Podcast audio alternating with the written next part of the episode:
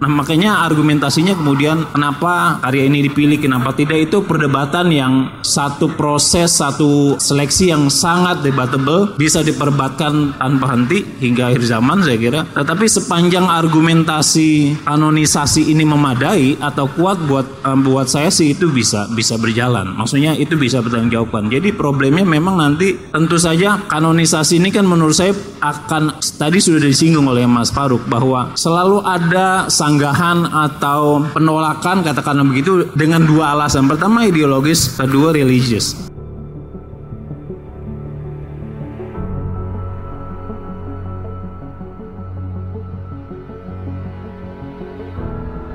Kenapa sih karya-karya kalau yang ideologis itu misalnya kenapa karya pengarang perempuan ini tidak masuk? Kenapa karya pengarang lekra ini tidak masuk dalam konteks sastra Indonesia modern? Jadi selalu ada perdebatan itu dalam proses kanonisasi dalam konteks sastra Indonesia.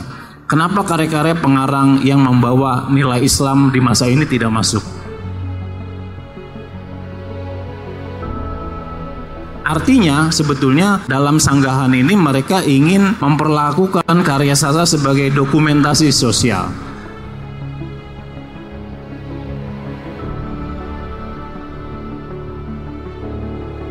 Novel bukan sebagai novel tapi sebagai dokumentasi sosial yang mengandung kebenaran-kebenaran tertentu secara politis benar gitu tetapi secara estetik atau itu belum bisa diperdebatkan. Jadi nanti tarik menarik antara kepentingan ideologis dan estetik itu akan menjadi perdebatan yang menurut saya tidak akan pernah selesai itu dalam proses kanonisasi.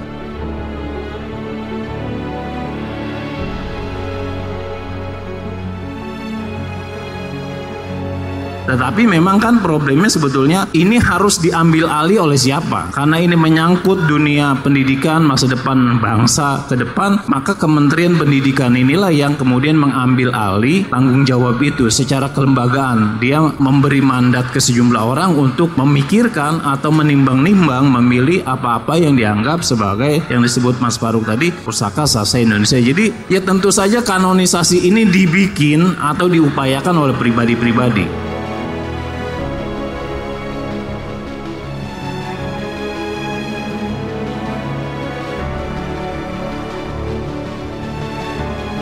Kalau kita membaca kembali apa yang dilakukan Tiu melalui Modern Indonesian Literature jilid 1 misalnya yang terbit tahun 67, yang jilid 2 tahun 79 atau yang dilakukan Yasin berdasarkan generasi misalnya Gemah Tanah Air tahun 48, kemudian Kesusastraan Indonesia di, di masa Jepang, Hairil Anwar pelopor angkatan 45, angkatan 66 prosa dan puisi dan seterusnya atau yang dilakukan oleh Ai Prosidi dalam Ikhtisar Sejarah Sastra Indonesia itu sebetulnya satu proses kanonisasi yang dilakukan berdasarkan kapasitas si sastrawan atau peneliti sastra tersebut.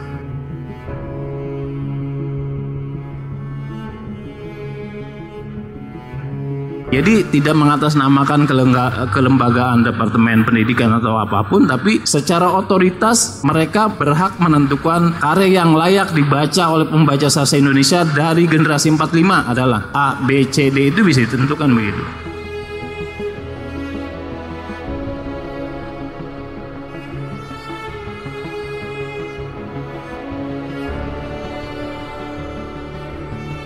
Argumentasi itu bisa sangat masuk akal. Kalau Anda baca bukunya Tiu yang kemudian diterjemahkan menjadi sastra Indonesia baru, diterbitkan oleh Nusa, Nusa Indah, ND, itu akan kelihatan Bagaimana peranan Hairil Anwar? Bagaimana kekuatan puisi-puisinya? Bagaimana posisi pengarang seperti Sitor Situmorang pada masa 45?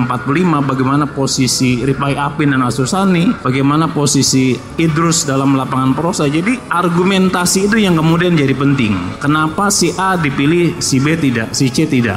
Jadi kalau buat kami sepanjang argumentasi pemilihannya itu masuk akal, itu bisa diterima.